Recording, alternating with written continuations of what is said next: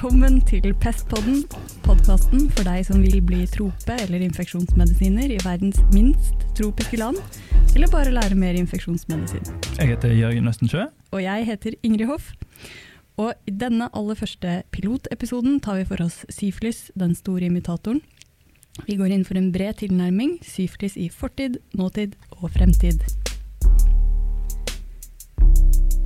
Ja, ok, men syflis, når, hva, hvor, hvordan, hvor kom det fra? Hvor kom det fra? Hvor skal du igjen? Jørgen, hvor kom det fra? Jo, Syfilis det var ukjent i Europa før Columbus og hans menn oppdaga Amerika i 1492. Ja. 1492. Og de brakte jo med seg mye elendighet til, til indianerne med kopper og influensa og utrydda halve befolkningen der borte. Ja, Eh, men fikk med seg en liten gave hjem, og det var syfilisen. litt av en gave da. Ja, de Ja. fortjente jo kanskje det. Uff. Hvordan, hvordan, oppdaga, hvordan oppdaga man at man hadde syfilis i Europa? Jo, det var et godt spørsmål. Det kan kanskje du svare bedre på enn meg. Ja, det er sant det. Fordi eh, i krigene mellom Frankrike og Italia på 1490-tallet så så man at eh, soldatene som falt på slagmarken, de hadde eh, krigsskader sammen med syfilislesjoner.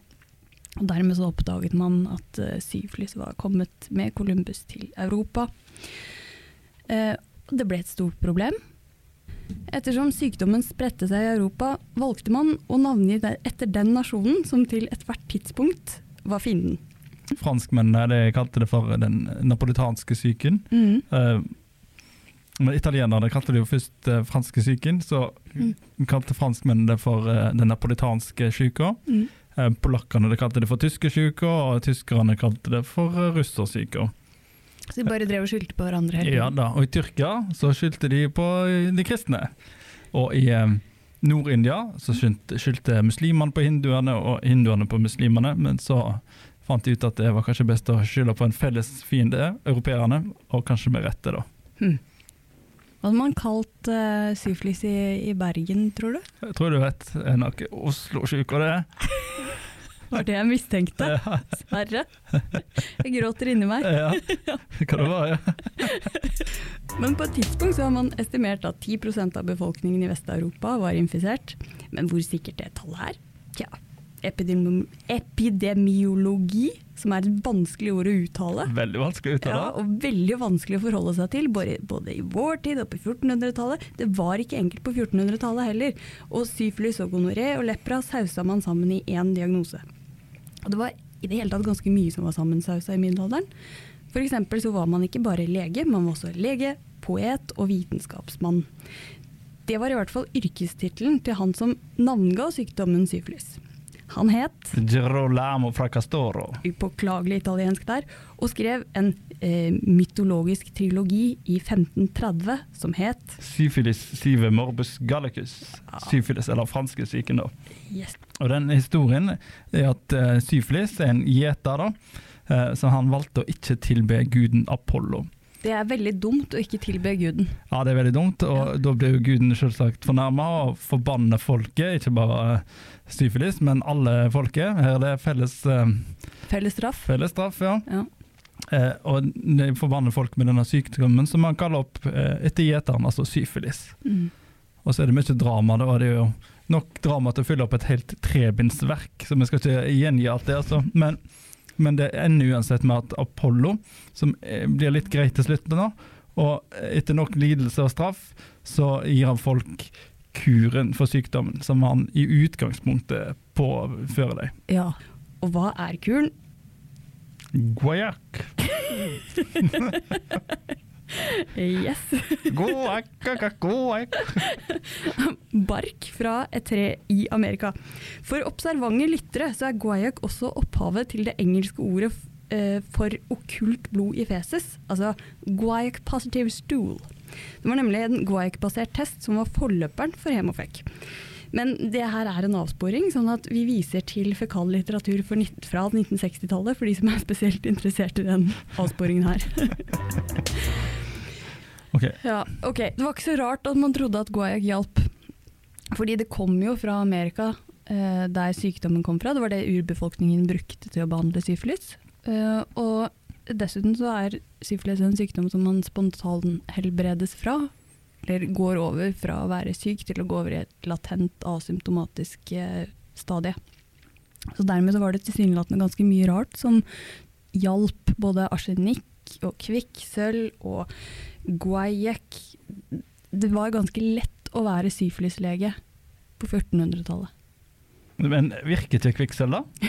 Jo, jeg brukte med stor suksess flere ganger. Og det kan forklare grønnskjær i tennene dine. Kvikksølvbehandling det var utbredt, men det ga lite virkning og maks bivirkning. Så det ryktes at eh, Oscar Wilde aldri smilte med tennene fordi han hadde gjennomgått eh, kvikksølvbehandling. Um, om det er sant? Nei, han, han, han døde ikke av syfilis, han døde av meningitt og otitis media. Men, men han kan godt ha fått kvikksølvbehandling, i likhet med flere av sine samtidige 1800-tallskunstnere. Ja, for hvis en går inn for såkalt historisk smittesporing, da, så er det jo egentlig ikke grenser på hvor mange en kan si hadde syfilis eller døde av syfilis. Mm. Så det, Frans Schubert, eh, Robert Schumann, Charles Baudelaire, Karen Blixen, Edvard Manet. Um, ja. Mm.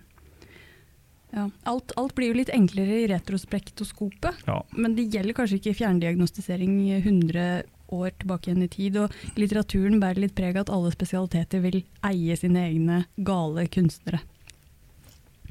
Ja. ja. Ja, Men det var ikke noe creds å ha syfilis. Det var jo veldig tabubelagt, og det fantes ikke noen behandling. Og I 1881 ga Ibsen ut 'Gjengangere', og den ble en kjempesuksess. Jeg mener brak.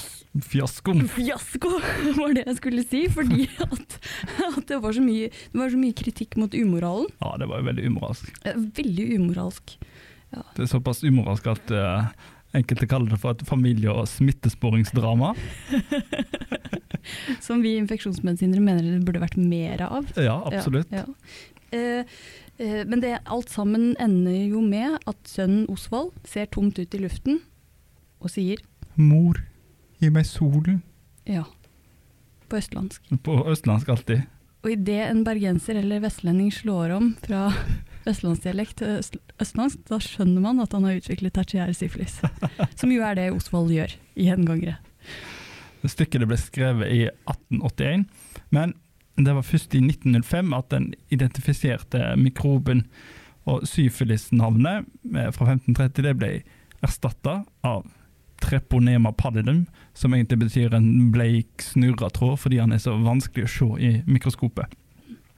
Og så var det jo selvsagt ikke eh, oppdagerne Schaudin og Hoffmann som fikk nobelprisen. Det var den mer berømte Paul Ehrlich som et par år senere kom med, med, den behandlingen som var mer effektiv enn kvikksølv, nemlig salversan. Funka det? Ja, sånn passe. Ja. Ikke nok med det. 20 år senere så følger nok en nobelpris for enda mer sånn passelig virksom behandling. Og i 1927 så får Julius Wagner Jaureg nobelprisen for malariabehandling mot tertiærsyfilis. Hvordan fungerte det, da? Ja, Det fungerte faktisk litt, da. Ja. Siden spirokietene er dyr med høy temperatur. Oh. Så, med å påføre pasienten malaria, da, og dermed høy feber, så kunne det faktisk hjelpe. Ja. Hm, men fikk man behandla malarien etterpå, da? Ja, på dette tidspunktet hadde man funnet barken av enda et tre. Ja, bark er veldig populært her. Bark er veldig populært. Ja. Kinatreet, altså kinin, som fungerte utmerka for å behandle malarien. Og kinin finner vi jo i Gin and tonic? Yes, Så det var på en måte en fest få malaria i 1927. Ha. Alt var bedre før, altså. Alt var bedre før. Ja.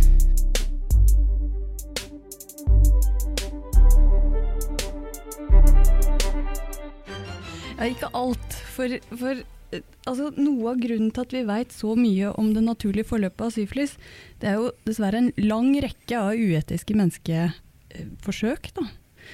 Vi, vi kan starte med The Tuskegee Study of Untreated Syphilis in the Negro Male, som er kanskje den mest kjente og omtalte.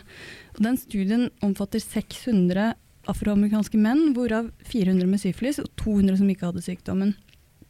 Deltakerne de ble fortalt at de ble behandla for dårlig blod. Og i bytte for å delta i denne studien om dårlig blod, så fikk pasientene gratis medisinske undersøkelser og oppfølging, og gratis begravelse på ja, på CDC sin regning. There is no, no such thing as a free funeral. Ikke sant? Ja. Og grunnen til at man da fikk Grunnen til dette her var at de, de som døde underveis, skulle obduseres. Eh, helt forferdelig. Studien starta i 1932, fortsatte i 40 år, helt fram til 1972. Selv om man på 40-tallet, da oppdaga man at man hadde effektiv behandling, altså penicillin, Mm. men ingen av studiedeltakerne ble informert på noe tidspunkt om at det var en mulighet. De ble jo heller ikke informert om diagnosen sin. Um, de fikk aspirin og vitaminer som placebo, og ble fortalt at det skulle hjelpe mot det dårlige blodet. Og spinalpunksjoner, det ble det jo innkalt til, og legene som leda studien, de skjønte såpass at dette kom folk til å kvie seg for å ikke gå med på. Så dermed presenterte de spinalpunksjonene som terapeutisk, og tilbød dem, da, tilbød dem free spinal fluid uh, therapy, uh, som skulle gjøre dem friskere. Eh, så det verste, det verste er at det her foregikk i full offentlighet, og det publiserte i Yama og internasjonalt anerkjente tidsskrifter, og det var ingen som reagerte.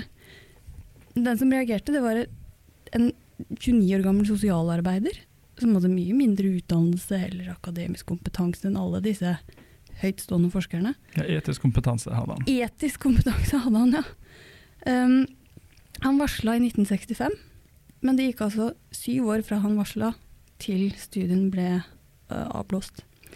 Og forskergruppa hadde alle mulige unnskyldninger for, for, for, at, for at det de hadde drevet med ikke hadde vært uetisk. F.eks. at pasientene kunne fått behandling for aortitten sin hvis de bare hadde bedt om det. Men det var jo ikke så lett når pasientene i utgangspunktet ikke visste om sin grunndiagnose. ikke sant? Og dette her ramma jo også ikke bare de 600 mennene som deltok i studiene, men i hele lokalsamfunnet med kvinner og barn, og ja, potensielt ufødte barn også. Eh, det ble en svær erstatningssak til slutt av dette her. Men, men de som leda studien, de tok ikke veldig mye selvkritikk. Ikke etterpå, da? Og, og ikke nok med det, da. Det, dette her blir jo verre. Eh, for i, i, ut på 2000-tallet, når man går gjennom Tuskegee-studien, det er en journalist som går gjennom gamle notater fra en av forskerne i Tuskegee-studien, så oppdager hun at det, det er en annen studie som ikke var noe mindre uetisk, som heter Guatemala-studien, som gikk fra 1946 til 48.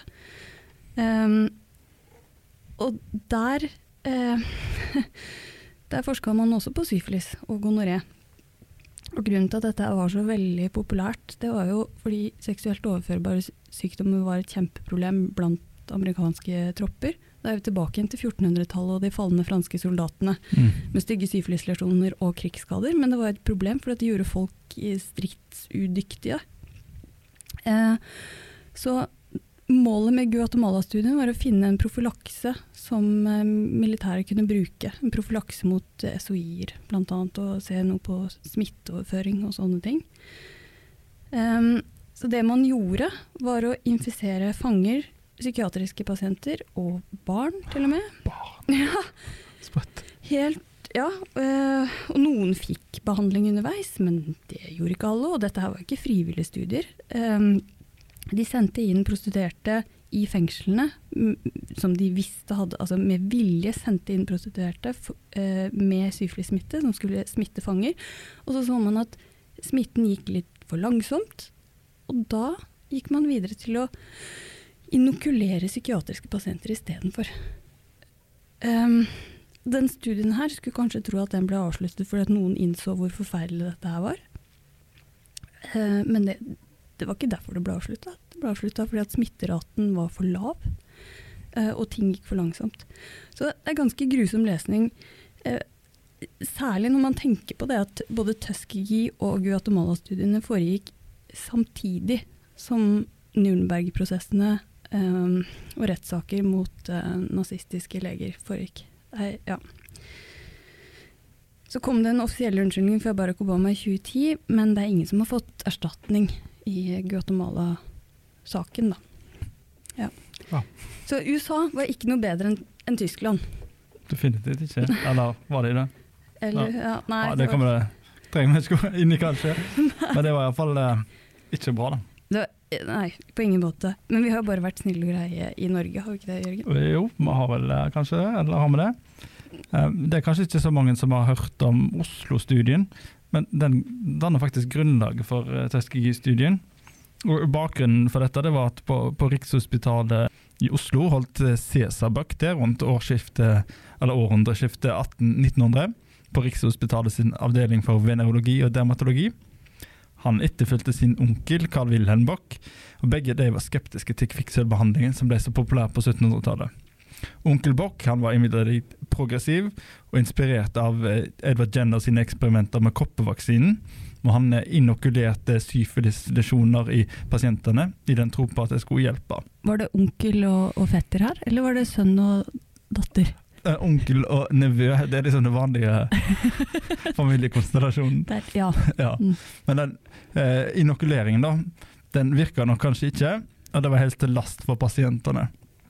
Og du kan si Hippokrates han lurte i skapet sitt med primum non nocere, og nevøen, altså Cæsar Bock han ville altså, Cæsar? Cæsar, ja. Ikke Carl Wilhelm, men Cæsar. Ja. Et lite pretensiøst navn. Ja.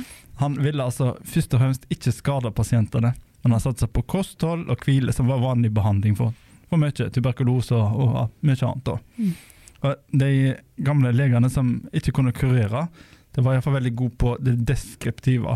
Og mange av pasientene var innlagt i månedsvis, så han hadde god tid til observasjon. Han kartla pasientene mellom 1891 og 1910, da Salvasan kom, og med det endelig noe som faktisk virka. Men i motsetning til Tuskegee-gjengen så avslutta Bock studien da det kom mer effektiv behandling enn kvikksølv på markedet. Noen år senere så gikk eh, Da fikk de Unnskyld. Da fikk de penicillin? Nei, de fikk, penicillin var ikke kommet, men de fikk salvasan. Ja. Mm. Så penicillin den kom jo mye senere, da. Mm. Men Bock, bok og Bock det gikk nå av. Men noen senere, år senere så kom eh, sin etterfølger, Brusgård. Han gikk gjennom journalene og prøvde å samle materialet. Det var befesta med ganske mye metodologiske svakheter, så det har ikke stått seg helt for ettertida. Nestemann som var sjef på dette her venerologiske instituttet, han heter Trygve Gjestland, og gikk gjennom materialet på nytt på 40- og 50-tallet med større hell. I tillegg til journalene så brukte han offentlige registre, og han kontakta diskré pasienter som fortsatt levde, og fikk de med på spinalfunksjon og klinisk undersøkelse. Og han belyste faktisk eh, sosial ulikhet i Oslo øst og Oslo vest. Og så i tillegg til dette så systematiserte han Bock sine beskrivelser inn i de ulike fasene av syfilis. Mm. Og hans tall det er brukt fortsatt i medisinske lærebøker og oppslagsverk for å anslå prognosen ved syfilis. Men hva har denne rekken av nevøer og nieser med, med Tuskegee-studien å gjøre? Ja, godt spørsmål. Altså, i Oslo så ble jo behandlingen avslutta når han fikk ny behandling, Mm. så det er ikke der eh, det kommer inn. Men når Tuskegee-studien ble starta, så fantes kun Brusgaard sitt materiale som var tilgjengelig. Altså dette som var eh, behefta med metodologiske svakheter. Mm. Og de eh, historikere mener at det var en stor inspirasjonskilde for eh, Tuskegee-studien. Um, og nettopp fordi at den Brusgaard sin eh, studie hadde uh, svakheter, så ønska de å, å, å forsvare en prospektiv studie Mm. eh, for å se om funnet også ville være det samme hos The Negro Male. Hm. Um, og Gjestland sin studie da, Mm. den ble støtta økonomisk av amerikanerne som var involvert i Tuskegee-studien. Og Gjestland var på et studieopphold i USA og samarbeida med flere av Tuskegee-gjengen. Og han hadde meninger om hvordan studien der kunne forbedres, og han var i veka i Tuskegee i 1951. Og, og Gjestland han nevnte ingenting i avhandlingen sin i 1955 om det uetiske i å la folk gå ubehandla.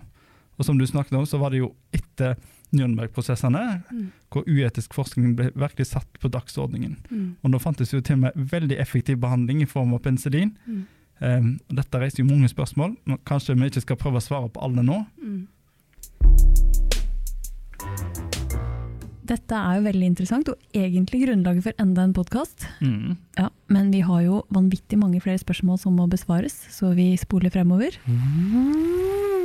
Fin lyd av en tidsmaskin. Mm. Til vår tid, år 2023. Penicillin er fremdeles meget effektiv behandling. Så strengt tatt så burde vel ikke syfilis være noe problem lenger. Er det i det hele tatt relevant? Følg med, følg med i neste episode av Syfilis, så får du kanskje svaret. Det var en perfekt cliffhanger til del to, Jørgen. Det var det vi hadde i dagens episode, Vi håper at tåkeheimen har letta, og at kunnskapshullene er tetta. Jeg er Jørgen Østensjø. og jeg er Ingrid Hoff. Og du har lyttet til en episode av Pestpodden, en podkast fra Helse Bergen.